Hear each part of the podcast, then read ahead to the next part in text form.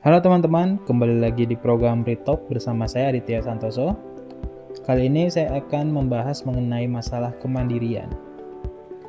Untuk memulai gambaran penting mengenai kemandirian, saya awali kisah dari negeri Cina ya. Awal kali diciptakan, burung-burung itu dulu belum bisa terbang. Mereka masih jalan di muka bumi. Lalu uh, Tuhan menciptakan sayap uh, untuk mereka. Lalu mereka mulai belajar mengapakkan sayapnya untuk terbang.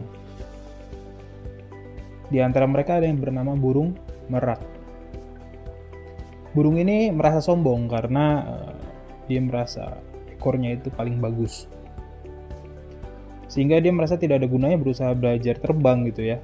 Itu cuma bisa merusak ekornya aja.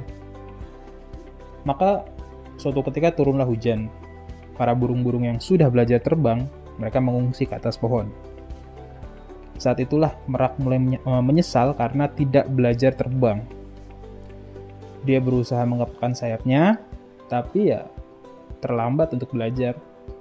Ya, kini sayapnya malah tambah berat karena basah akibat hujan. Dia tidak bisa mengungsi ke mana-mana, hingga akhirnya dia itu ketemu sama manusia, ditangkap, dikandangin, sehingga dia kehilangan kebebasannya. Oke, jadi dari kisah ini bisa kita tafsirkan bahwa kadang-kadang kita itu menunda-nunda pekerjaan. Bahkan kita menghindari tanggung jawab agar bisa menikmati waktu luang.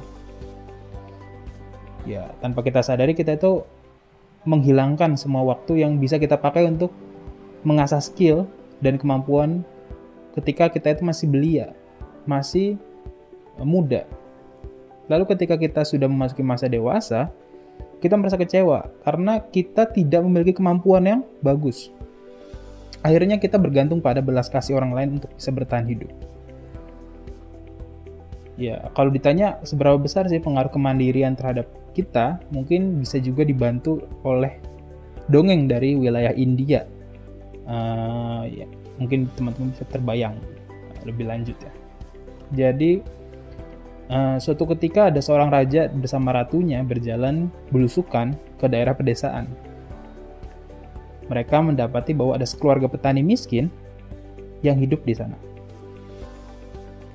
Sang raja itu prihatin. Ini adalah kehendak dewa, sehingga ia tidak akan pernah merubah nasibnya. Sang ratu merasa tidak setuju dengan pernyataan sang raja. Tidak suamiku, dewa tidak berkehendak demikian. Lalu sang ratu ini ingin membuktikan bahwa uh, perkataan raja itu uh, salah. Dia mengusulkan ide, ide yang sangat gila yaitu adalah ia akan tinggal bersama petani tersebut. Dan dia yakin bahwa nasib petani akan berubah. Lalu sang, sang ratu tinggal bersama petani. Hal yang pertama dia lakukan adalah merapihkan gubuk sang petani. Ia rubah isi rumah tersebut. Ia mulai menata barang, membersihkannya, lalu sang petani dilarang pulang sebelum sore menjelang malam, maghrib berarti ya. Dia harus bekerja dan mencari nafkah sekeras mungkin, entah apa yang harus dia lakukan, e, mengelola sawah ataupun apa pun, pokoknya jangan pulang sebelum malam gitu ya. Sang ratu juga mengajarkan istrinya sang petani tersebut untuk menabung, e, sopan santun, kerja keras, kerajinan, kemampuan keuangan, dan lain sebagainya. Intinya semua life skill diajarkan ke uh, istrinya sang petani. Beberapa saat kemudian sang ratu kembali ke istana dan dia berhasil membuktikan pada sang raja bahwa ia berhasil merubah keluarga petani yang dulunya miskin sekarang menjadi berkecukupan. Dari hasil kerja kerasnya, sang petani itu kini mengelola dan memiliki lahan sendiri. Bahkan dia mampu memperluas lahannya. Sang istri juga belajar mengatur keuangan sehingga mereka selalu berkecukupan.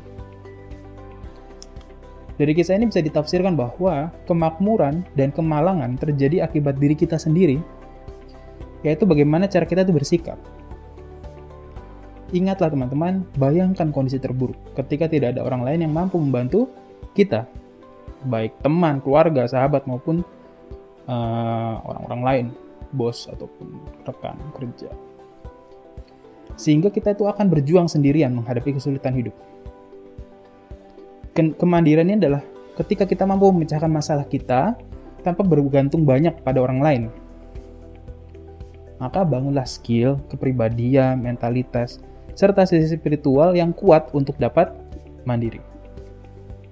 Tidak lupa teman-teman juga harus memperbanyak pengetahuan mengenai dunia sekitar karena kehidupan terus berkembang dan berubah seiring berjalannya waktu. Jadi harus update karena kalau nggak update nanti tergilas zaman. Nah, sekian uh, mengenai masalah kemandirian. Semoga bermanfaat. Uh, see you next time, next episode. Uh, sampai jumpa. Bye bye.